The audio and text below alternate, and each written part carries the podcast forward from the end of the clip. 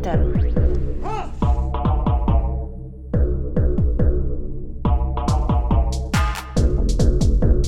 Berätta inte för mig om det svenska klassamhället. Jag har sett det. Jag har växt upp i det. Jag hatar det. Eh, hjärtligt välkomna till ett eh, avsnitt av eh, podcasten Komintern. Eh, det är jag, eh, Gaspar, och min eh, ständiga vapendragare Tor är här också. i panelen. Vi har en gäst via länk hela vägen borta från Japan. Välkommen Marcus! Ja, men tack så mycket. Eh, kul att vara här. Jäkligt roligt faktiskt. Ja. Det var ju så här, det är lite skumt du vet att eh, du tipsade mig om att så här, för att komma in i er podd så, så lyssnade jag på ert rollspel först av allt. Så, så jag har ju den sjuka, sjukaste bilden av vilka ni är, liksom Mahatma Mats och grejer. Ja, det är svårt att relatera, men eh, jag, jag lyssnar på lite mer än det också, så det, det borde inte vara någon fara. Eh, och du gör ju en, eh, en egen, eh, eller en, egen, en, annan, en annan podd som heter The Return of the Repressed. Och vi vill väl under det här avsnittet, eller jag vill i alla fall, både prata lite om det projektet eh, och sen så har ju du sysslat med lite research kring eh, ett av mina allra käraste ämnen, nämligen esoteriska och ockulta kopplingar till eh, eh, hit- hitlerism och nazism. Vi skojade lite förut om att så här, nu kommer vi bli så illustrerad historia, så Hitlernytt-podden. ja, exakt. Alla de där. Alltså det är ingen av dem som liksom blinkar. Det är populärhistoria, allt om historia. Eh, jag vet inte vad. det är, Men alltså varenda gång man kommer hem så är det ju så här. Det är bara Hitler hela tiden. på, alla fram, på, alla, på alla magasin. Alltså. Jag hade några tyska kompisar en gång som kom över.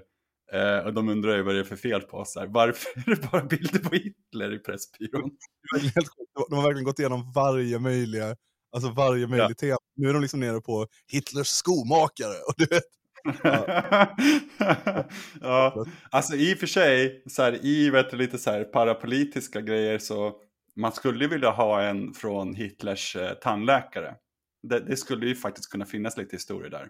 ja, just det. Och, och Ja. jag har läst lite intressant om eh, Hitl- eh, Himmlers massör. Som jag tycker är en Mm. intressant Mhm. karaktär. sin egen rätt. Eh, astrolog, eh, ehm, antinazist tydligen. Eh, men blev liksom indragen i den här jävla soppan på något vis. Och ska ha gett Ja, eh, man astrologiska läsningar. jag vet inte, för att rädda några judar eller vad det nu var. Jag kommer inte ihåg exakt. Märklig historia. Men eh, du, du, som sagt, The Return of the Repressed, vad är det för någonting? Vill du presentera? Ehm, ja, men det kan jag väl göra. Så, men jag, jag, jag kör ju på engelska. Så, eh, ja men det är väl så här, det är en parapolitisk vänsterpodd. Uh, jag kör väl ganska tungt så här, på efterforskning och sånt. Många som säger att det är ganska ogenomträngligt. det, det kan ju både vara bra och dåligt. Men uh, jag tror att det brukar vara rätt bra. Att det, det, är, så här, det är ganska långa avsnitt. Uh, jag gillar att göra långa serier. Jag tror, alltså, det är ju så här spritt språngande galna teman och så vidare. Men eh, det finns någon typ av eh, eh, materialistisk liksom, grund. Eh, vilket gör att det blir enklare att spåna iväg på saker och ting. För man, man kan hitta hem liksom. Och så kan man eh, ehm, ja, men dra lite kanske mer eh, mm, närvarande slutsatser. Men ändå liksom öppna upp för en hel del eh, spekulation och, och eh, jag vet inte, det är, alltså, det är som vi var inne på tidigare liksom med så här, ja, men, ta en sak som Hitler, det är egentligen rätt falskt eh, när vi säger att ja, men de har nog gjort allting. Det har de ju inte. De har, det är ju det som är grejen. De har ju gjort samma saker sen typ 20-30 år tillbaka. Det är ju samma, liksom, vad Lacan kallar den här eh, universitetsdiskursen. Liksom, att det, det reproduceras kunskap, liksom, men det, det skapas inte direkt någon ny kunskap. Huruvida jag skapar ny kunskap, det ska jag låta förbli osagt egentligen. Men, men jag tror ändå att så här, mm, det, finns, eh, det finns en hel del intressanta vinklar som jag försöker hitta. Och det är inte på något sätt så att jag enbart pratar om nazismen, det är ju bara det att vi just idag skulle samtala om det, om det. Och det har jag gjort en hel del nu sen sommaren och, och framåt. Jag är precis som du, att jag tycker det är ganska intressant med så här okulta eh, och heroiska ja, med kopplingar liksom till eh, eh, deras fanatism. Liksom, hur, eh, ja, men, hur blir man så galen? Liksom? Det, det är ganska intressant. Ja, och eh, arieheroismen ska vi gå in lite mer på senare. Men jag tänker innan vi gör det så är jag lite nyfiken på, för att eh, kommentaren är ju liksom, den har ju liksom en tydlig, eller tydlig och tydlig, men vi, vi är ju liksom så här autonom marxistiska kommunister och sen så och lite och anarkister. Alltså, ja, vi, vi skojar ganska mycket om att det är lite eklektisk mix sådär, men ändå. Det är, Ja, ja. Men har du, är du intresserad av överhuvudtaget liksom positionera dig själv politiskt? Vad skulle du säga att, att Eh, Return of the Repressed, jag, vilken mustaschman väljer? ja, men exakt. Så här, vi- vilken, eh, vilket namn på fadern sådär. Um, uh, ja, alltså jag har ju typ jobbat med folk lite uh, över hela världen. Så där. Jag har ju jobbat mycket på jordbruk och sånt um, i uh, tredje världen eller um, preferierna är väl bättre att säga kanske. Um, så, och där finns det ju ofta så här ganska spontan liksom, organisering. Så jag har jobbat med anarkister i, i Korea, jobbat med maoister i Kina. Jag, jag var hemlös ett tag i Stockholm och blev upplockad av en syndikalist från Iran. Eh, så bodde med honom ett tag. Eh, arbetade lite med att dela ut flyers och grejer. Och lite ironiskt för att han så här, jag tror han ägde ett ganska eller alltså egentligen, kaféet var inte så fint. Det var det att det råkade ligga, vad jag minns, i ett ganska gentrifierat område. Men jag han var ju ganska gammal så han kan ju ha haft det liksom sen den tiden då det var så här arbetarkvarter där. Men eh, Uh, ja, jag, jag bodde också i, vet du, i djungeln i Malaysia. Där jobbade jag med, så här, vad, heter han, Chin Peng va? Tror jag. Um, kommer inte ihåg va? Uh, han var ju kines egentligen. Men uh, andra och tredje generationen som var där då i djungeln, eh, revolutionärer, de hade väl lagt ner sina vapen liksom. Fick se några bajonetter ibland med sådär uh, hammaren och skäran på. Det var ju ganska ballt såklart. Um, men eh, ja, alltså för mig själv, jag vet inte, jag tror det nästan blir så här, du vet, lite pretentiöst att jag ska säga eh, exakt att jag är någonting specifikt. Jag tror jag är ganska bra på eh, flyta omkring. Liksom. Marxism är väl en ganska genomträngande... Eh, jag har svårt att kanske ta vänstermänniskor som inte tycker om Marx på allvar. Jag vet inte, det, det kanske var det jag skulle säga. Det är mer sådär, att jag skulle säga att det är saker som jag vill hugga bort. Det, jag menar, inom religionen säger man så här apofatik, va? Ehm, att eh, man ska slå bort saker från... eh, man, är som en skulptör, va? Man, man, man eh, slår bort i negationen grejer från en sten så, och då, endast så träder bilden fram. Men, men du vet, Alltså- för- att det som kommer när man lyssnar på Return of the Repressed så är det ju som du säger att det, ibland är det ganska, jag vet inte, det, det är liksom ganska högt flygande eh, idéer. Alltså min, favoritprogramserie är ju den du gör om eh, eh, någon slags eh, skissar ut vad som skulle kunna vara konturen av ett urkommunistiskt eh, eh, transatlantisk, eller transatlantisk civilisation, eller jag vet inte. Eh, någon slags kommunistiskt Atlantis. Eh, och, och, och där, men där så, så tycker jag att det, det, som är, det som är så jävla bra där, tycker jag är att du både ger utrymme för, för att låta den liksom revolutionära fantasin och flyga och, och man känner sig upplyft av det. Men samtidigt så drar du ner det på materialistisk grund i precis rätt tillfällen, precis när man börjar tveka. Um, så att det är verkligen både, man känner att man står på någon slags marxistisk vetenskaplig grund samtidigt som man får näring åt uh, sina poetiska och eh, uh, fantasi-törstande eh, sidor. Liksom. Eh, så att, eh, ja, det, det ska du ha eloge för. Tack som fan, för eh, jag var ganska orolig när jag skulle släppa det avsnittet. Jag tänkte liksom att det var nog ingen som kommer tycka det är så roligt. Men jag fick ganska bra respons från det avsnittet. Jag tror det var någon som, en kamrat till mig, som också, ni kanske också lyssnar på honom, samma sådär parapolitisk eh, vänsterpodcast i USA, eh, Program to Chill. Han, han skrev att det var, alltså, det, det som var bra med det avsnittet var att det, var, det är någon typ av så här, medicin eh, för, för en sjukdom som egentligen bara ja, med högen, liksom, den fanatiska högen, liksom Qanon-jonen, liksom säger någonting om. Eh, jag, jag lägger fram lite så kritik också vad det är jag vet, vill kritisera i de avsnitten, men sen så går jag ju liksom bara all out liksom, eh, på vad jag kan tänka mig Eh, hände för 18 000 år sedan. Liksom. För på något sätt, är Marx och Engels ganska tråkiga när de pratar om urkommunismen. Jag vet inte riktigt, var, de vill ju liksom skilja sig lite från utopisterna, för det blir enkelt så att när man blickar långt tillbaka i tiden så, så blir det ju lätt att man eh, hoppas allt för mycket om vad de kunde tänkas göra. Och det är väl därför de inte gör det så mycket. Eh, men samtidigt så här, jag vet inte om, jag tror, jo men jag citerar ju, det kanske inte är något av de tre avsnitten dock, jag citerar någon gång Engels eh, text där om eh, Uppenbarelseboken. Har ni läst den? Den är, det är en kort liten text liksom. Jag har inte läst engelsk text som Uppenbarelseboken. Jag har faktiskt inte läst Uppenbarelseboken heller. Nej, Nej.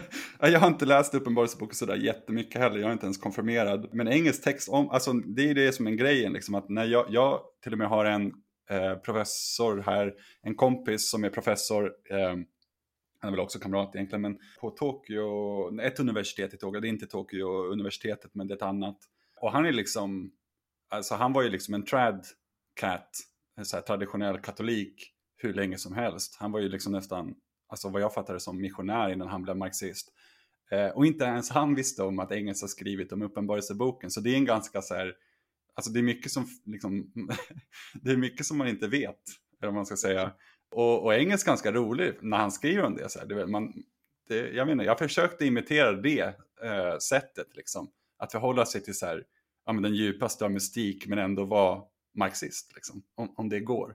Jag tror, vad, vad heter han, alla gillar ju att citera honom, så jag ska inte göra det egentligen, men vad heter det, Walter Benjamin sa, tror jag, så här, man måste ta ett tigerhopp in i teologin Eh, för marxismens skull, eh, eller något liknande. Och, och det, är, ja, det är väl något sånt där. Alltså man må, vi kan inte låta bara gal, alltså högergalningarna spekulera i de här sakerna, liksom, för då, då tror jag vi blir för vulgära och tråkiga. Det, det behövs lite fantasi. Jag har läst ganska mycket sånt, eh, alltså så primitivist. Jag är ju då anarkisten i podden och kommer väl från en så civilisationskritisk liksom, bakgrund på något sätt. Och där finns det ju väldigt mycket liksom, tankar om urkommunismen, även om de skulle liksom gå och tvätta munnen med tvål om de tog det ordet liksom, i sin mun. Men, eh, men eh, alltså Särsan pratar ju en del om det och han som blev någon sorts fascist sen, som jag har lite Jensen precis. Ehm, pratar också ganska mycket om hur det har varit i, eller vad, vad kan man veta och vad kan man inte veta om liksom, tidiga mänskliga samhällen. Liksom. Ja, alltså min, min erfarenhet har ju varit många gånger så här ganska... pri- Jag, jag vandrade i tusen dagar, så en, en, en, en tusen dagars pilgrimsvandring. Efter jag hade blivit initierad i ett tempel i, i eh, Kina. Och jag sa ju där när jag, att jag, jag bodde i djungeln i Malaysia, det var liksom lite slutet på den vandringen. Vänta, förlåt, förlåt jag jag avbryter. Ja. Eh, För jag tänker så här, nu, nu har du vid flera tillfällen nämnt eh, olika platser du har befunnit dig på och den här en tusen dagar Ja.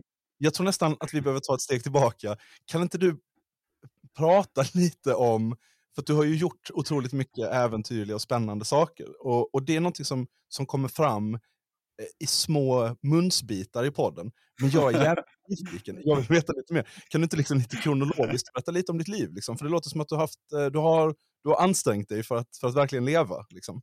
Och, och tagit en del Ja. intressanta beslut. Ja, ja men jag, det kan väl göra. Så här, jag försöker så här, hålla tillbaka lite så här, för att du vet, podden ska överleva lite, längre så jag kan inte så här, bränna alla. jag kan inte spela alla av de bra korten direkt liksom. Men, eh, eh, men jag kan ge en, en liten så här, kort summering. Så när jag var runt 15-16 däromkring så eh, ja, mellan andra och först, nej, mellan första och andra året på gymnasiet så så åkte jag till Kina och bodde i en, eh, en så här värdfamilj. Eh, med eh, någon organisation. Jag kommer inte ihåg, jag tror inte jag fick så mycket bidrag för det. Det blev ganska, alltså man, jag tror man fick punga ut lite, det var någon sån där privat det var lite att skolan hade hand om det. Eh, det var en sån där studievägledare som tipsade om det, så det var väldigt reducerat liksom, paket som man kunde välja. Hon frågade mig, eh, ja men vart vill du åka? Så här. Och jag bara, ja men jag vill så långt bort härifrån som möjligt. Så hon bara, ja men eh, då kan du ju åka till Australien. Eh, det är långt bort, men det är, om du vill åka längre kulturellt, liksom, om du vill åka längre bort kulturellt, då, då borde du åka till Kina. Så här. Jag bara, ja, ja, ja men det vill jag göra så här. Hon bara, ja, men det är spännande så här, för det är, det är ingen som har velat göra tidigare så här. Jag bara, ah, okej, ja men då gör jag det. Så då fick jag bo med eh, en gubbe där som eh, jobbar för partiet. Han var väl någon så här, ja, alltså han hade väl jobbat där hela sitt liv. Så han var ganska högt upp, eh, eller ja, nej det tror jag egentligen inte att han var. Han var väl bara en vanlig byråkrat liksom. Och ja, jag bodde där ett år. Eh, och då fick jag väl typ så här lite försmak. Jag var ju liksom inte eh, marxist riktigt ännu. Men eh, jag tror att jag hade ändå min första sådär eh, out of the pod eh, erfarenheten liksom, i Matrix. När man så här, får se proletärer för första gången. Liksom, man fick se fabrikerna där, där allting som vi köper görs. Det var ganska um, omtumlande erfarenhet. Att liksom Speciellt eftersom att de har mycket så här, kopior på saker och ting. Men också för att de säljer de riktiga sakerna också på eh, liksom små marknader utanför fabriken och grejer.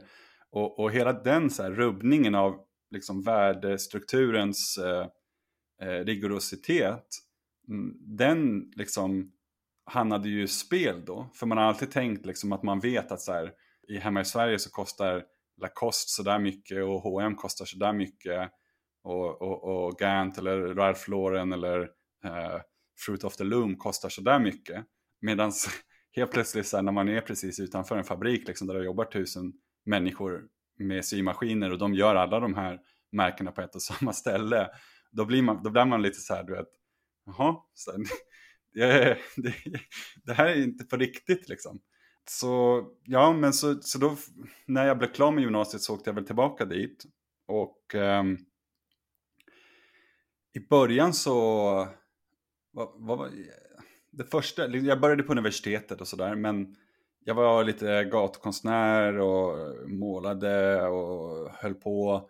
Och till slut blev jag utslängd faktiskt från konstskolan där jag eh, studerade för att jag hade målat någonting och så kom, vad heter det, säk, eh, först, det var i och för sig vanliga polisen som kom till eh, mitt hus och sen så blev jag, eh, eh hamnade i eh, eh, förhör, de hörde mig liksom och jag ljög, jag blånekade i början. Tror jag satt där i två, tre timmar och bara nej, jag vet ingenting om den där grejen. Jag, jag har inte hört någonting om det. Kritiskt motiv då eller vad? Ja, det var lite det. det eh, men det var ganska så här ambivalent. Det var en bild på Mao, fast med så här djävulshorn. Eh, fast i Kina så är inte djävulshorn, det betyder inte att han är elak. Det är mer att han är, du vet, så här, han är riktigt arg. Eh, att liksom när man får en sån där... eh, eh I buddhismen så, så brukar ofta så här, en buddha ha ett lugnt ansikte och sen så har de en, eh, liksom ett, eh, eh ett hatiskt ansikte eller ett, ett, ett ansikte fyllt av eh, vrede. Ett vredesfyllt ansikte. Så det var väl lite egentligen mer den poängen som jag skulle göra det i. Eh, och sen så hade jag skrivit är du fri? frågetecken under med kinesiska tecken. Och så använde jag tecknen för eh, liberal, liberalism. Så att man kunde läsa det som att så här, är du fri eller är du liberal? Uh, ja, men som ah, en liksom, så här, clever, clever, clever. Ja, ja exakt. Så, uh, och, så de, det var ju någon som hade blivit jävligt förbryllad av den här grejen. För, för då, sen så liksom, när jag hade nekat den några timmar så visade de mig ett, en film eh, från en säkerhetskamera när man ser, ser mig måla upp den här grejen och de bara, det är ingen annan som är två meter plus här. Det, det är du. Här. Kan du bara säga att det är du? Så jag bara, ah, okej, okay, men det är jag. Och så de bara, ja, tack. Äntligen! Och sen så då bara, alltså då bara ändrade de sig helt plötsligt, så här, de där två eh, eh, inspektörerna, eh, eller detektiverna, så de bara ja men det är en jävligt bra bild ändå, så här, hur fick du till det där så här, i en enda färg liksom? Det var just en stil som jag hade gjort. För att man ser ju att det är Maus här. Och bara det är, det är fyndigt med tecknen och allting så här. Jag bara, ja, tack så mycket så här. Så bara, ja, fan, du har bra koll ändå på kinesiska tecken. Så här. jag bara, ja, du vet hur det är va. Och, så, och sen så kommer det in tre snubbar så här i, i um, kostym där, så här, från uh, ja, men någon högre instans liksom. Och snackar lite med, med detektiverna och de lugnar ner dem så här. Och sen så bara tittar de in så här och typ, eh, kollar på mig så här. okej okay mm, Okej då. Jag, jag antar att de ville att det skulle vara en lite större fisk liksom, som de hade fått tag på, men det, det var bara en, en finnig universitetsstudent, liksom, en lång och ranglig jävel. Fan ska vi med den här snubben till? Vi kastar honom tillbaka i vattnet. Så de, eh, de drog därifrån ehm, och eh, eh, detektiverna köpte, eh, eller inspektörerna, de köpte mat till mig, frågade väl hur jag ha dricka. Ja, så att vi snackade lite där, gaggade och sen så fick jag göra sån här klassisk, du vet, eh, sån här fotografering där man tittar åt alla olika håll liksom och så är det en sån här nästan magnesiumlampa som blixtrar till. Eh, och så fick jag ett, skriva på ett stort papper. Eh, och sen så typ var det ingenting mer med det. Så de, eh, jag behövde faktiskt inte betala någonting. Och, eh, men ja, så skolan dock slängde ju ut mig. Ehm, jag var väl redan på väg liksom ut därifrån. Och så, så fick jag ett jobb som ehm, eventfotograf. Eh, alltså så här, för, för ett magasin eh, som höll på med, med tillställningar och så vidare. Att fotografera för, för det här, den här tidningen. Och eh, det var jävligt ballt såklart i början. Liksom, man är ung och har ett ganska coolt jobb ändå. Jag, jag har alltid så här, gillat att fotografera och sånt. Jag, eh, första året där i gymnasiet så eh, eller nej, andra året när jag hade kommit tillbaka från Kina så åkte jag till Kosovo ett år efter deras eh, f- liksom, självständighet, efter de, efter de hade eh, förklarat sig själva självständiga och åkte runt och tittade på och fotograferade de här stora romlägren som finns där för romerna. Och det var ju typ, ja men eh, något av det värsta jag någonsin har sett alltså. Men eh, nu var det inte riktigt så ädelt arbete som jag fick göra för det här eventföretaget, eh, insåg jag ganska snabbt. Ehm, men det tog väl ändå ett tag eftersom att man fick gratis inträde till alla de häftigaste klubbarna och, och de häftigaste festerna. Så fick sitta liksom backstage med Steve Aoki och vad heter han, Paul Kalkbrenner. Jag vet inte det, om ni har eh, åldern på er publik, Nej. om ni gillar liksom så här. Jag kan tänka att här, om ni gillar tysk typ techno, eh, Paul Kalkbrenner är ganska eh, eh, stor där runt 2000, eh, tidigt 2000-tal liksom. Men, eh, ja, men så, det var ju jätteballt liksom att få betalt för allting och sen så mer och mer ser man väl såklart att folk knarkar och grejer och ja, eh, den där liksom, jag vet inte, min kusin brukar alltid säga så här, ja men det finns alltid en dörr till, liksom. det finns alltid ett rum till. Så här. lite, du vet, lite mer exklusivt, alltid lite mera häftiga saker som händer. Och till slut hamnar man ju liksom i, i Epstein-rummet antagligen. Men någon gång långt innan det så började jag fatta att så här, ja men det är något fel på den här världen liksom. Speciellt när man slutade dricka och bara gick för att ta foto. Och alla vet väl det som har någon gång så här, ja men du vet, försökt hålla igång ett, ett festande socialt liv men inte dricka. Det blir en ganska så här skev bild. Man, alltså barerna ser ju lite annorlunda ut. Folkets beteende ser lite annorlunda ut. Man börjar tvivla på saker och ting. Så... Det är svårt att tal med någon som är berusad om man inte är det själv. Ja, jo men eller hur. Det, det är svårt att greppa liksom, varf, vad är det som driver dig just nu? Det är så här, ja. Men eh, så jag, typ, jag skaffade mig själv något av en hobby, var det väl liksom ursprungligen. Så jag började klättra upp i eh, stora halvt färdiga skyskrapor och tältade liksom på, på toppen av de här eh, halvfärdiga skyskraporna. Så jag tog med mig liksom ibland eh, ja, men lite varmt vatten i en termos, eh, nudlar, chips, eh, en vinflaska. Och så brukade jag tälta liksom högst uppe på 300 meters höjd och tittade när Metropolis gick och la sig och när det vaknade och hur stadens ljus liksom eh, tänds. Och ibland så flyter molnen in över Shanghai, liksom, det ligger precis vid havet. Och ehm, jag vet inte, man finner ett, någon typ av lugn såklart högst där uppe eftersom att man hör ingenting längre. Och det känns som att man inte längre är i en stad med 20 miljoner människor. Och det ligger väl någonting ganska sant i att så här, det är bara när man är i en storstad på det sättet som man kan känna sig riktigt ensam när man är omgiven av så mycket människor.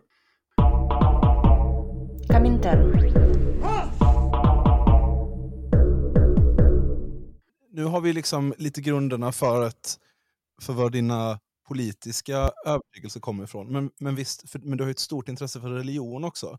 Så här någonstans, så, eh, när, när stöter du på liksom, eh, buddhism eller eh, när börjar du bolla med mer andliga eller spirituella eh, tankar? Ja, ja, ja men det, det, har typ, det har någon typ av samband med de här, ah, för jag började liksom sitta bara där uppe.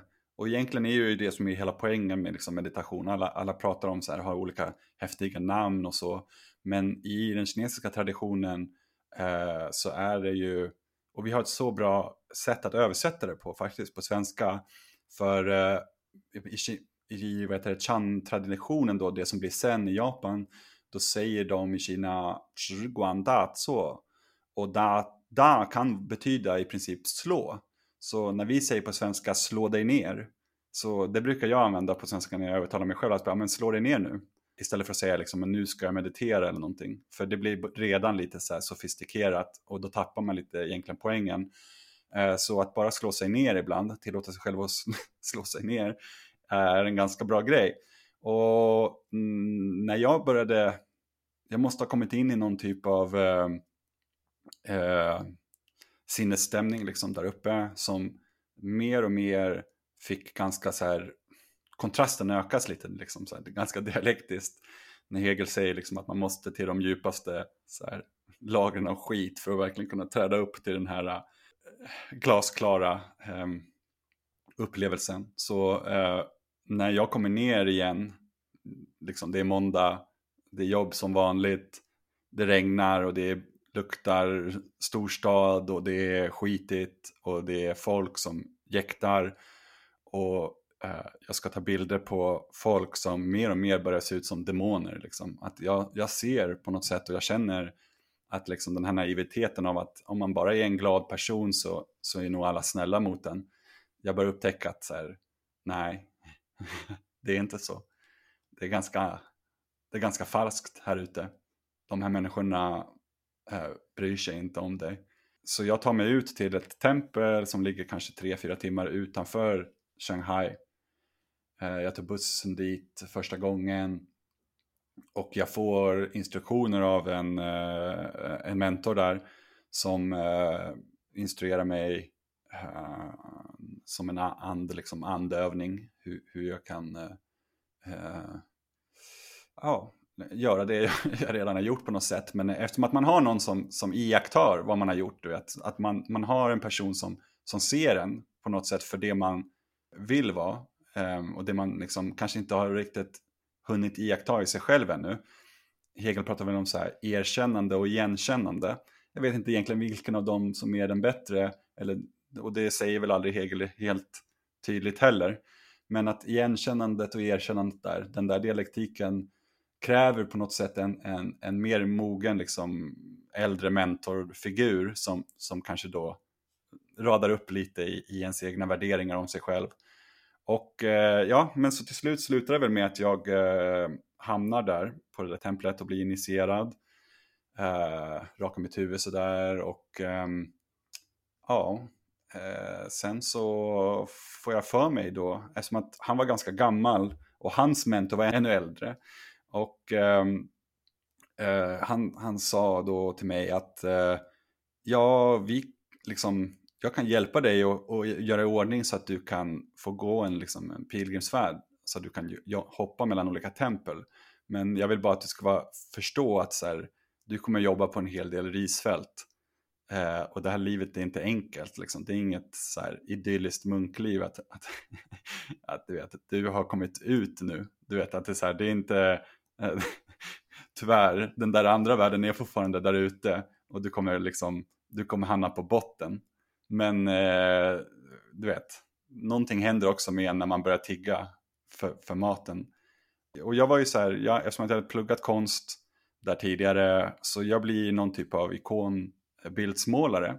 Så jag får ganska bra rekommendationer så att jag kan fortsätta under de där tusen dagarna och, jag, och hoppa liksom från, från ett tempel till ett annat. Och jag tar mig till Himalaya och Tibet och Korea och Japan och så vidare. Och sen så slutar det där. Vad heter, hur gammal är du när du blir klar? Alltså, eller när den tusende dagen är överstökad. Liksom. Ja, men det, jag är runt 25 tror jag, 26, eh, 27. Jag, jag, ehm, jag åkte tillbaka till Kina senare igen. Eh, men det, det, det sista jag gör är då att, ja, men för att verkligen försöka ta sig bort. Liksom, det, jag tror att också det är någonting med marxismen som gör att vi, eh, innan man uppnår en viss så här, mognad i, sin, i den här teorin om, om kapitalets eh, reproduktion så, eh, så beskyller man sig själv för, för allt som man inser. Att man, man, man tänker ju att allting det här som händer, så här, jag vill inte vara en del av det. Och därför borde jag inte heller göra någonting som har med det här att göra. Och man på något sätt så, och så ska det inte vara, liksom, marxismen är ju inte, det är ingen liksom självhjälp. alltså det är ingen så, på det sättet individuell andlig väg att så här, du kan ju inte leva ett kommunistiskt liv under de här omständigheterna. Det går ju liksom inte. Det är ju någonting man bara måste gradvis acceptera. Men eh, jag hade väl någon kritisk punkt när jag inte accepterade det. Och då byggde jag liksom ett eget hus i djungeln på gränsen mellan Malaysia och Thailand. I en stat där som heter Kelantan. Som är den mest, den styrs av ett prästerskap. Eller ja, det blir det ju inte, men eh, de är ju muslimer. Men eh, ja. eh, Mamskap. Ja. Eh, och, ehm, och där bodde jag i nio månader så jag byggde liksom ett hus av bambu. Jag tog med mig en machete, en eh, stor eh, låda med skruvar och eh, rep, tändare eh, och en väska liksom med kanske en eh, lite sån här eh, eh matverktyg. och så byggde jag ett eh, och en skruvmejsel såklart. och så byggde jag ett hus eh, av bambu där i skogen och så bodde jag där i nio månader. Och ehm, det som, ja jag, jag vet inte, jag, jag, jag skulle ju kunna prata om det hur länge som helst, men det som, eh, det är ju självklart eh, en, en väldigt så här, och- jag, jag vet inte, det bodde en kille där som hade bott i djungeln då länge som var i kontakt med de här eh, revolutionärerna som ja, var andra eller tredje generationen av eh, de som hade gjort uppror mot britterna. Så ehm, mer och mer fick jag lite kontakt med dem och han visade ju mig, eftersom att han hade bott i djungeln hela tiden, han visade mig hur man kunde, vad man kunde äta där och vad man kunde använda liksom för plåster, eh, vilka saker är som Red Bull, vilka saker är som eh, downers, vilka saker är som, som läker dina sår och, så- och så vidare. Um, och uh, ja, det är ganska fantastiskt faktiskt. Och, och bada i, i ett vattenfall varje morgon. ehm, läsa, knalla omkring och bara vara som ett barn och, och upptäcka eh, världen där. Och jag kommer ihåg faktiskt en så här läskig sak var att de första två veckorna kom jag på mig själv med att så här, tänka igen och igen på fotosyntesen. Och jag tänkte jag bara, vilket, vilket jävla drabbel, så här. varför i helvete ska jag tänka på det fotosyntes hela jävla tiden? Det var liksom som att där var det sist, den senaste så här, biologilektionen som jag kom ihåg. Och så den liksom hade kuggat fast i mitt huvud. Det liksom, min, mitt psyke var inte redo för att, för att ta in allting som det Men- var att bo där. Det är intressant att, att du liksom med alltså den senaste kunskapen du utrustades med eh, för att förstå den sortens miljö i ett extremt alienerat tillstånd på en högstadieskola någonstans i Sverige, så försöker du liksom applicera det på, på den miljön och på den upplevelsen. Eh, Så här på ett, Ja. det är fint på något sätt. Eller så, så här, det säger väl någonting om vad det är att vara människa. Liksom. Att man, man försöker liksom desperat använda den begreppsapparat man har tillgänglig för att förstå saker som ibland är så långt borta från vad den apparaten är skickad till att hantera. Liksom. Ja, verkligen. De, det, det, det var perfekt sagt faktiskt. För att det var ju så. Det är ju som en begreppsapparat som bara går på tom, liksom, tomgång på något sätt. Det är som att du har tagit tag i fotosyntesen nu. Kan du bara liksom fundera på varför det växer upp svampar här varenda jävla morgon. När du är van vid att i Sverige så är det en svampsäsong liksom. Och varför de försvinner. Eller varför det kommer liksom myror som är stora som hela tummen och bara vandrar liksom i så här kilometerlånga vandringar genom ditt hus en vecka och sen så försvinner de och fortsätter någonstans. Liksom, vart är de på väg någonstans? Vart ska de där myrorna? Vet de vart de ska? Eh, har de koll än vad jag har på någonting. ja, eller hur? Vad vet de? Liksom? Jag, man behöver ju någon vägledning. Ska jag följa efter de här? Vi kan fastna hur länge som helst på var och en av de här bitarna. Vi, vi försöker, eh, Ja. för att komma framåt lite, så att vi, för jag tänker att nu när vi har pratat om det här, vi har suttit ett tag nu och jag känner, tänker att vi, vi kommer behöva spela in en omgång till. Eh, Ja, om vi ska gå igenom den här texten som jag har skrivit Exakt. ner så, så vi... Ja, jo. Eh, Så nu får vi bara, vi får ta liksom den självbiografiska och, eh, och eh, Return of the Repressed avsnittet får det här bli. Liksom. Eh, Där vi Ja, talar ja, om de två delarna. Och sen så får vi boka in en senare tid för att tala om Ario-heroiska eh, teorier. Hemliga sällskap. hemliga Ja. Eh, Men, men okej, så du, du gör dina månader i djungeln, eh, du är någonstans 26-27 år gammal och du bestämmer dig för att bryta upp och fortsätta att röra dig runt i världen. Eller åker du tillbaka i Sverige någonstans här emellan? Eller är du liksom... Jag kommer tillbaka någon gång där för att en kompis till han som bodde där i djungeln, han hade ett hostel i en liten by um, som låg, ja men kanske en två timmar, det tog väl tre timmar upp för själva liksom berget in i djungeln. Men eh, om man kom ut efter tre timmar ut till vägen så kunde man ta sig ja, men en timme, en och en halv, två timmar vidare så kom man till en, en lite större stad. Och eh, där, den här killen här, han hade ett hostel och han ville gärna ha lite hjälp där. För han kunde inte så bra engelska och så hade de frågat mig om jag inte kunde jobba kanske med honom några veckor. Liksom. Det var så här högsäsong och eh, jag hade ändå varit där nio månader så de kanske tänkte väl att så här, ja, du vet, eh, bra om du får ta ett litet eh, break liksom. Komma tillbaka till rinnande vatten. Även om ett vattenfall är ju rinnande såklart, men ja. Och eh, eh, så då gjorde jag det och då fick jag malaria eh, där, för han bodde ju liksom i slummen i princip. Och eh, när jag, nej förlåt, jag fick inte mal malaria fick jag i Taiwan. Nu fick jag denguefeber, så här gula febern. Och eh, på, det är ganska så här, läskig sjukdom faktiskt, så här, för eh, man blir ganska snurrig. Man, eh, man kan ju liksom inte sova ordentligt.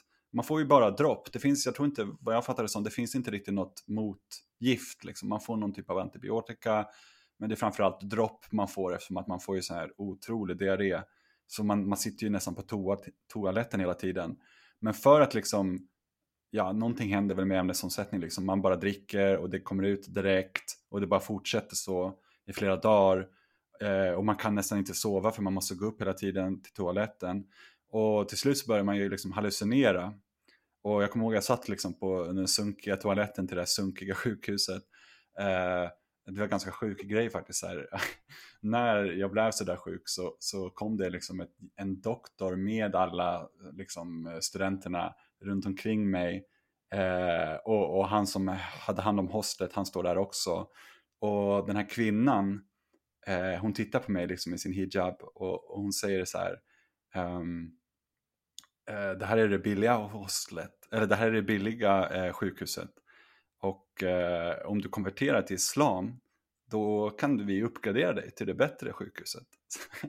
och min, min kompis, han är också muslim, han som har hand om hostlet, han bara, "Det- mashallah, vad fan håller ni på med? Så här, "Ni- ni kan inte få honom att konvertera nu, så han har ju dödsångest. Det här är ju helt sätt att göra det på.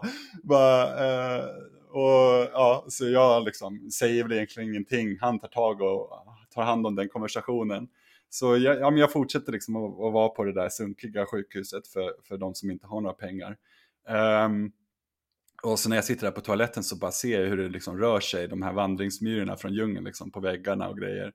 Och eh, sen så, eh, när man börjar friskna till så börjar typ huden flagna lite så här. Alltså det är inte som att det blir några sår riktigt, utan det är mer som att det, ja men det är liksom, det är som om du har bränt dig ordentligt och sen så huden liksom, att du ömsar lite skinn sådär. Så eh, det kliar ganska mycket. Och jag, jag började tänka lite då så här, bara, ja men fan, ganska extrem situation ändå som har hänt. Så jag kanske borde mm, åka tillbaka till Sverige. Jag har inte träffat liksom min yngsta brorsa på kanske tre eller fyra år. Alltså jag har inte träffat någon av dem, men han var liksom innan puberteten när jag drog och när jag kommer tillbaka så känner jag knappt igen honom. Så, så jag känner, ja men det visste jag inte då såklart, men det, någonting där sa väl till mig att så här, du borde komma hem emellan. Men eh, jag gör det, men jag är ju självklart liksom, jag är ju helt oanpassbar. Liksom. jag kan inte liksom ta ett jobb i Sverige direkt. Jag är ju för snurrig för att det skulle gå. Så jag bor med min farmor och hon bor liksom långt ut på landet borta från allting sådär. Och jag blir väl som en gammal gubbe liksom. bor med sin farmor. Komintern. Ja, jag är hemlös ett tag i Sverige också. Eh, och det fattar jag ju först liksom att så här, ja, du är ganska liksom, du är ganska långt ner nu, förstår jag någon gång när jag står liksom på Odenplan och liksom käkar ur en papperskorg. Sådär. Utan att bry mig att det är, så här, det, är det är mitt på dagen. Vad fan, jag är lite hungrig. och här har någon slängt någonting som inte borde ha slängts liksom. Jag kommer ihåg också faktiskt en jävligt läskig grej. När jag var i Stockholm så eh, jag slaggade typ där vid den där, där någonstans på Odenplan finns det en stor så här, kupolkyrka. Jag kommer inte ihåg vad den heter. Men den var, som alla hemlösa vet så är det ju ganska bra liksom, stödvila lite nära kyrkan. Eh, brukar inte vara någon som eh, sabbar det för en. Men så jag sitter där liksom i, i uppgången eh, till kyrkan. Och så kommer det en, en, en, eh, en ambulans och bara stannar så här precis framför mig och går ut och tar blodprov på mig. Utan att så här, fråga vem jag är, vad har du för personnummer? Jag ligger liksom i ganska dåsig där. sådär. Eh, jag, drack, jag har ju inte råd att dricka eller någonting, det var inte som att jag var påtänd. Utan jag var ju bara ja, påtänd på erfarenheten av att ha vandrat liksom, som tiggarmunk och buddhismen i, i, i, i tusen dagar. Men eh, så ja, alltså och de bara tog mitt blod och sen så åkte de iväg. Och jag undrade liksom, jag bara vad fan, så här, vem har jag blivit nu? Så här, jag har blivit någon som man inte ens behöver fråga innan man tar blodet eh, ifrån dem eh, för att testa. Liksom. Jag har blivit en samhällsfara. ja, ja, det är ganska liksom, annorlunda från eh, vad jag hade tänkt mig. Och eh, till slut så kom jag ju tillbaka till Kina. Just det, för, för liksom Stockholms kostymen passar för illa nu, eller? Är det, alltså är det, vantrivs du liksom och känner att men jag, jag, är inte, jag är inte färdig med Kina, eller var det mer som att, eller hur, hur resonerar du? Ehm, Varför? varför Ja, men tillbaka? alltså det är ganska svårt att vara så här tiggarmunk i Sverige, eller hur? Det finns inte så mycket buddhistiska tempel där. Så även om man kan måla helgonbilder eller ikonbilder så är det ingen som eh, efterfrågar det. Och jag kunde väl inte riktigt ehm, jobba heller. Jag tror att jag kom tillbaka till min farmor innan jag åkte tillbaka. Jag, när, när jag kommer tillbaka till Kina så jobbar med ehm, Eh, Jag skriver lite texter och så vidare. Det är ganska billigt i Kina. Så eh, jag får en ersättningsstöd för att, att arbeta med, med eh, översättningar och texter liksom från kinesiska. Och eh, jag vet inte vad man får. Man får väl, jag borde inte egentligen säga det här eftersom att man inte ska vara utomlands när man får utvecklingsstöd. Men eh, ja, det räckte ganska långt liksom. När man betalar 200 kronor för hyran och kanske 200 kronor eh, för mat varje månad. Liksom. Eh, Då kan man, eh, man kan leva rätt bra på, på ett enkelt bidrag. Liksom. Um, och eh, så blev jag förälskad i någon tjej där. Och eh, ja, vi, eh, eh, vi, har- vi har det ganska bra där tillsammans. Men eh, till slut så hamnar jag faktiskt på eh, ett sjukhus. För jag får ett psykotiskt brott. Det är någonting ändå med att även om eh, Sverige var ganska annorlunda från djungeln så är ju också Kina ganska annorlunda från djungeln. Liksom. Det tar lång tid att återställa sig. Och jag vet inte, man, man får någon typ av så här hypersensitivitet. Liksom. Man blir hyperkänslig. Och alla ljusen träder fram ganska brinnande. Det liksom skär i en. Eh, alla intryck och all information som man får i de här stora städerna. Hon bodde i en ganska stor stad, ändå tio 7-10 miljoner som bor där liksom. Och i Hongkong runt omkring där är det väl 120 miljoner när man räknar in allting, liksom Guangdong, Guangzhou, eh, området Shenzhen, allting. Så, eh, så jag, jag kollapsade där någon gång. Um, och eh, ja, några, då har det väl gått några år. Så då måste jag tillbaka till Sverige igen liksom. Eh, någonstans så börjar man väl anpassa sig igen och sen så mognar man väl lite i sin, sin kritik. Liksom att man behöver väl inte göra allt själv. Och man behöver väl inte offra sig själv liksom för att kapitalet ska gå under. Så ehm, ja, jag började plugga i Sverige. Jag hade pluggat en del liksom till och från på distanskurser och sådär. Men så nu, då fixade jag av en sådär kandidat. Hade väl typ tre, fyra igång. Jag tror jag har tagit en kurs på varenda universitet i Sverige. Jag tror det är några kvar. Men jag tror jag har tagit åtminstone en så här, distanskurs på varenda universitet. Det, och sen så jobbade jag som personlig assistent då i Stockholm tre år. Innan jag på något sätt blev ihop med min fru som jag är tillsammans med nu. Eh, och vi hade inte träffats då på 11 år tror jag. När vi sågs igen. Eh, hon ville inte bli hemlös och jobba på risfälten. Efter hon var klar med universitetet så tänkte hon att hon skulle få ett jobb i Tokyo. Men eh, ja, någonstans så möttes vi kanske mitt emellan igen, liksom att båda eh, hade gått för långt i sin egna riktning. Så ja, så, så nu är jag här tillbaka i Fjärran Östern. Jag sitter och snackar med er och har en liten grabb. Eh, han är två år eller någonting. Och, och eh, ja, en fin fru och sådär. Så ganska bra liv ändå, tycker jag.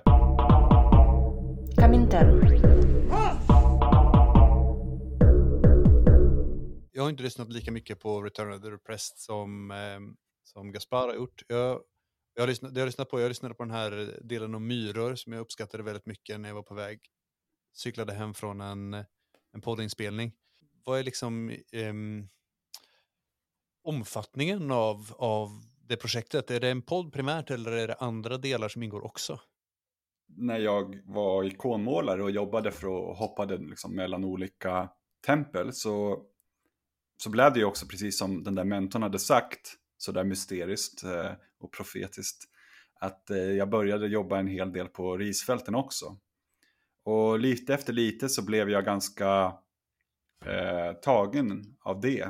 Det var någon gång till och med träffade en, en sån här shifu på ett tempel som eh,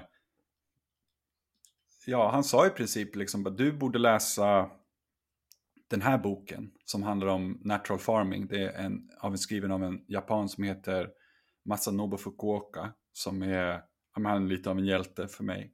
Och, och det är väl, jag vet inte, han är någonstans typ mellan anarkist och kommunist.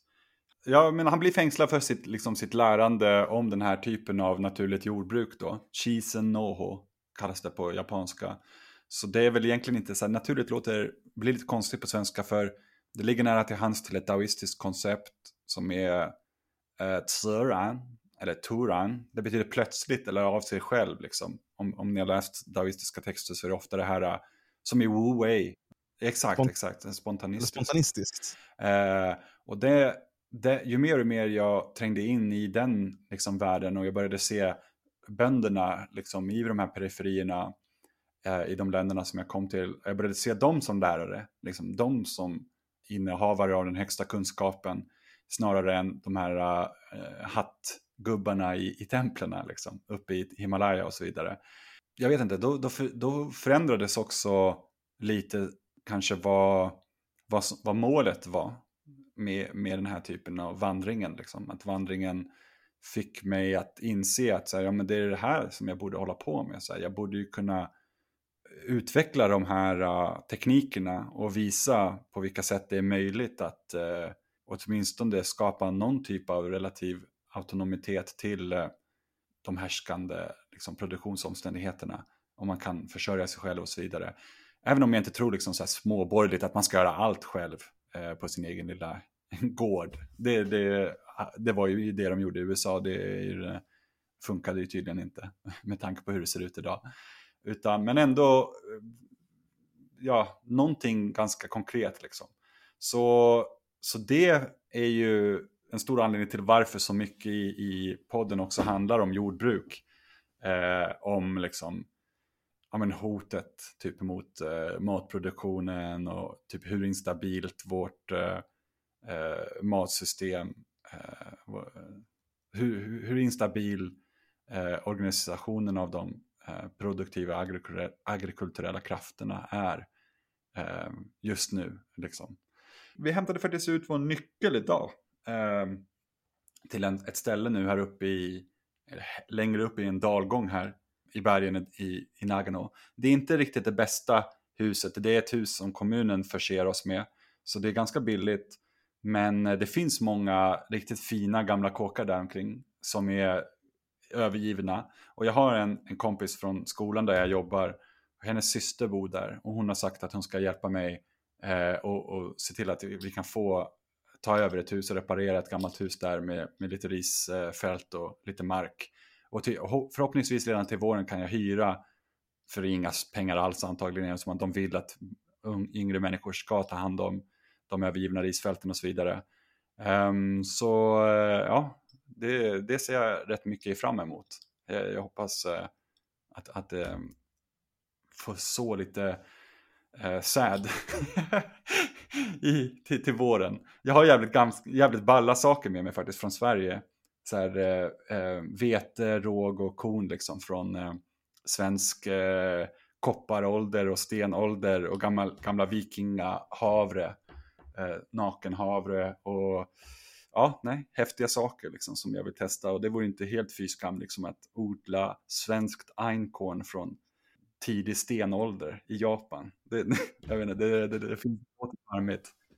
Alltså rent klimatmässigt funkar det? Skulle det gå bra att översätta? Liksom, det är det som är så jäkla sjukt. Alltså, för den genetiska basen i många av de här vetesorterna, den är så bred och den är så uråldrig att den ställer om sig alltså inom två säsonger. Att helt anpassa sig till, till ett annat ljus. Eh, men det är mycket eh, ljusare vintrar här och eh, somrarna är ju längre såklart. Men ehm, det, den klarar det snabbt liksom, för att det, den, den har så mycket att hämta ifrån. Den är ju liksom specialiserad eh, på att överleva snarare än att specialiserad på att ge avkastning.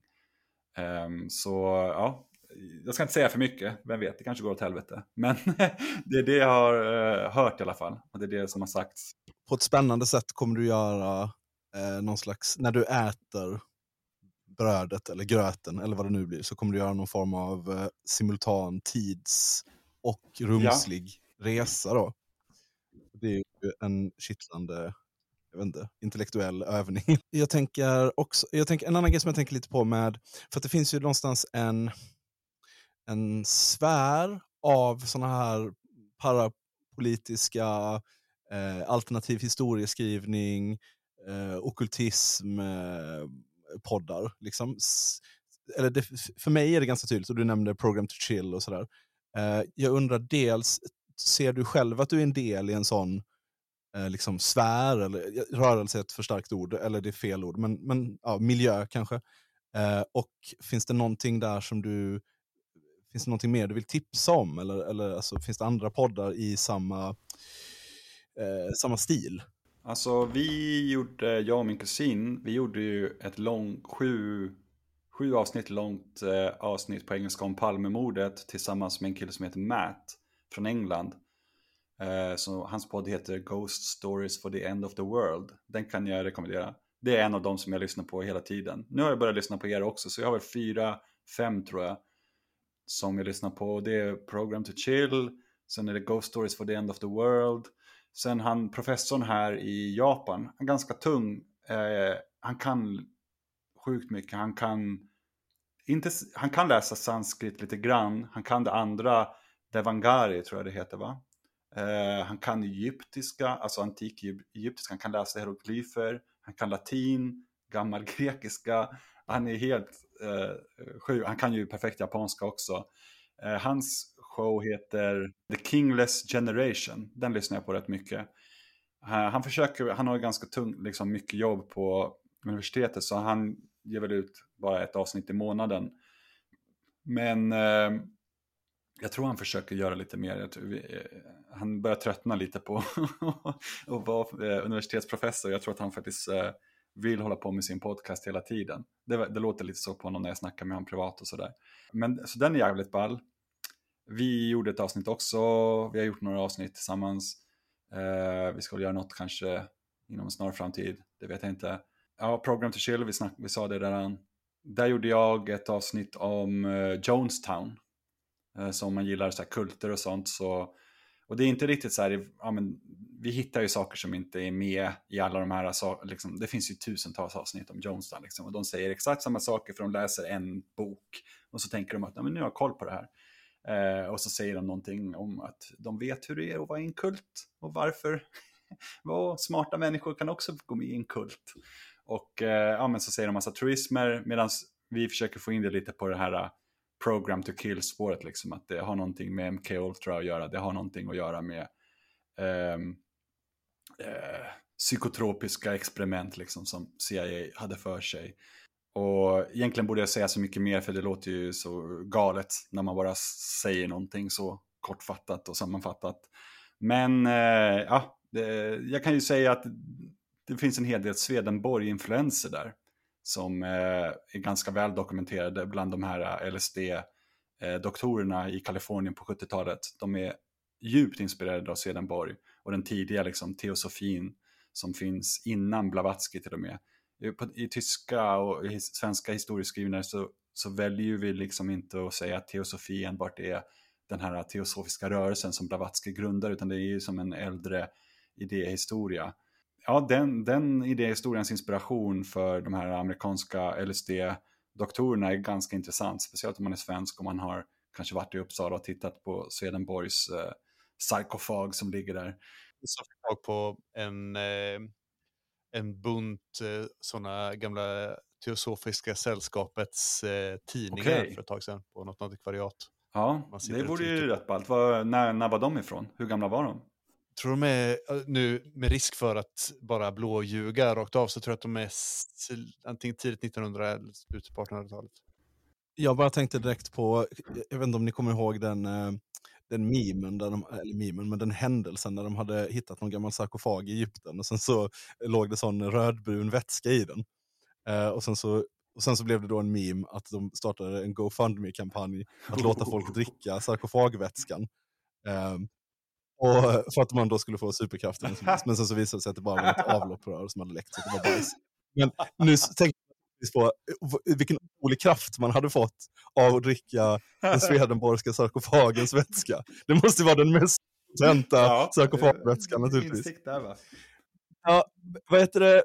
Hur vill du ta, hur, vad ser du för framtid i eh, eh, Return of the Repressed-projektet? Vad- Finns det, finns det någonting du vet att du vill göra? Eh, finns det något sätt du vill utveckla det? Eh, Har du någon, har du någon sluttid för det? Nej, jag har ingen riktig så sluttid. Jag hoppas ju att jag ska bli lite mer jordbrukspraktisk igen så att jag kan eh, komma in lite på, eh, ja, jag vet inte, säga kanske, det kanske blir mer filosofiskt då eh, i framtiden. Men jag har några saker, jag gjorde idag så släppte jag ett eh, sån här qa avsnitt för första gången.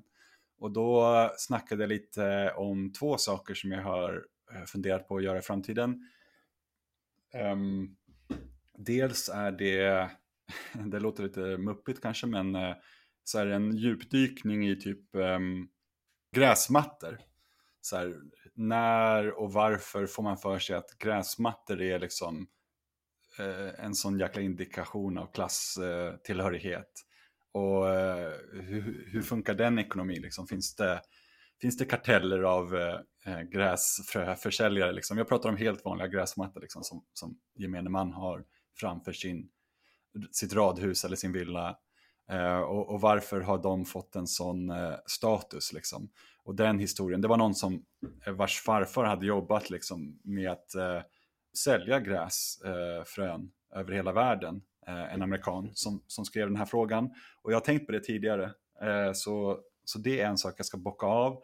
Och då hade jag tänkt, för jag har gjort ett avsnitt om kaffe redan och sen så gjorde jag en lång serie om hampa.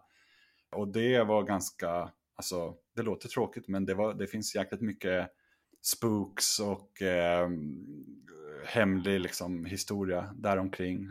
Mycket parapolitiskt, eh, avrättningar och eh, lönnmord och så vidare, även om man inte kan tro det. Och ganska liksom, intressant materialistisk historieläsning också om eh, vilken riktning liksom, jordbruket tar eh, under sina olika revolutioner från mekanisering till motorisering till där vi är nu någonstans med robotisering.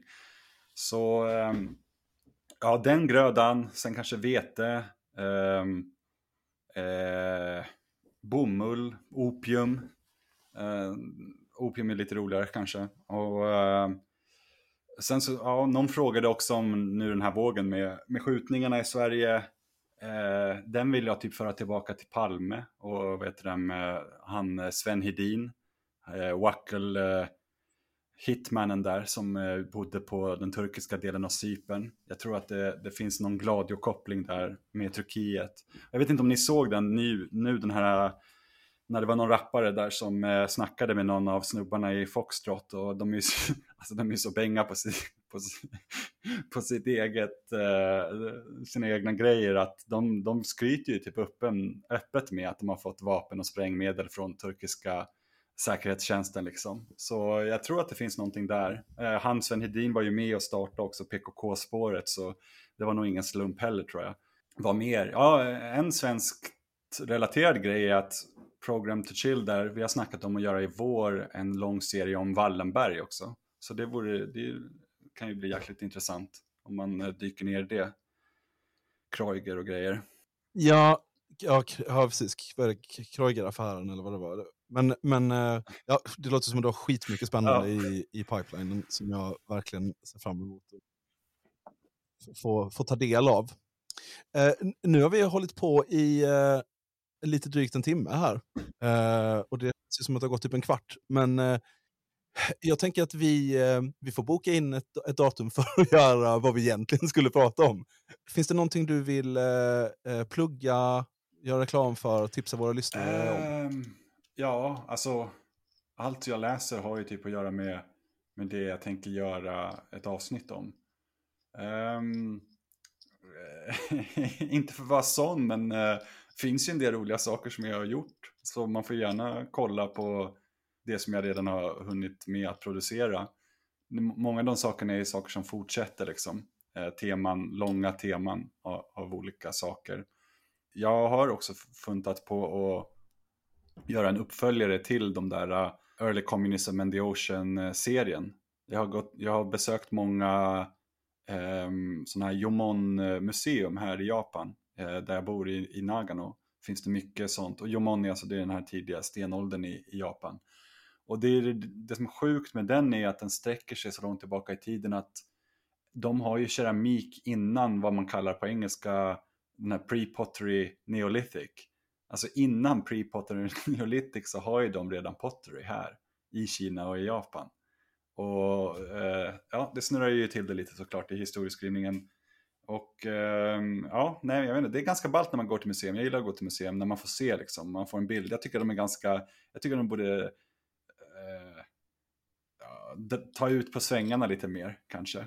Och jag gick till en, så här, en uh, trum, uh, eh, session typ, när folk, några nissar hade gjort typ trummor av de här eh, stora keramik... Eh, jag vet inte om det är en allmänt accepterad tanke att de egentligen ska vara trummor.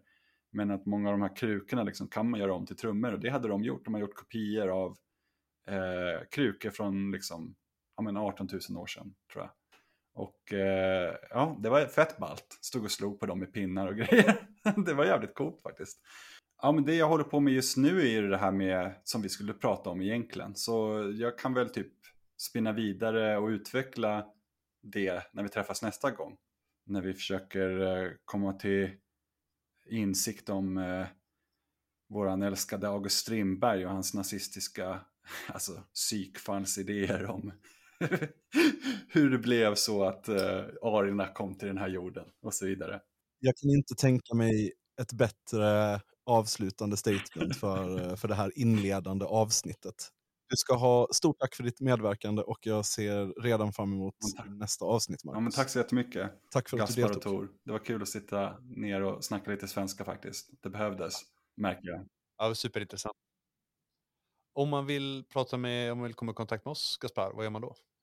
Eh, Då eh, får man väl lära sig någonting om sociala medier som jag- inte vet. Det finns Instagram, det finns mail, eh, sånt. Man kan bli vad heter det, Patreon Om man vill ge oss pengar. för en billig peng. Eh. Man kan också hålla ögonen öppna efter våra nya coola klistermärken. Om man, eh, Det ska jag köpa och sätta upp här i Japan. det tycker jag absolut du ska. Eh. Okej, Hej. ha det fett! Ha det gött.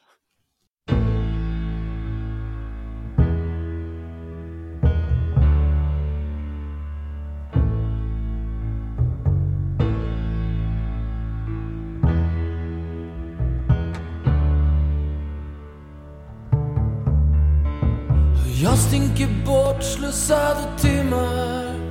Mina vänner luktar uppgivenhet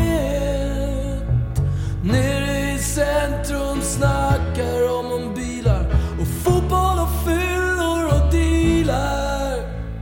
Och Tippar och hoppas på att göra ett lyft och slippa vara de egentligen är. Men rulltrappan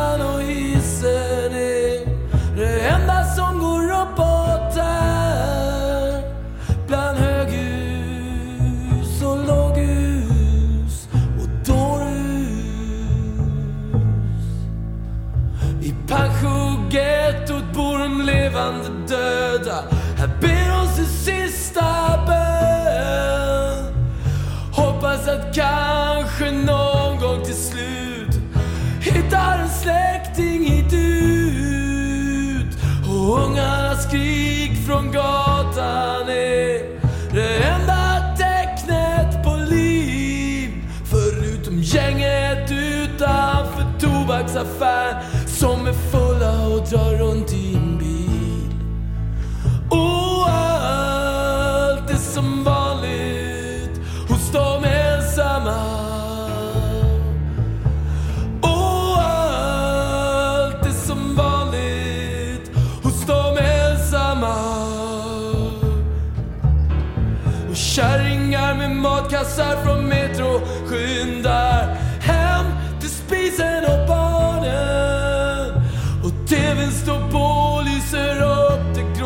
rummet. Hon undrar om hon långsamt blir galen. Hon tänker på hettan som fanns hos dem förr. En orkan har blivit en bris. Han sätter på videon istället för mig.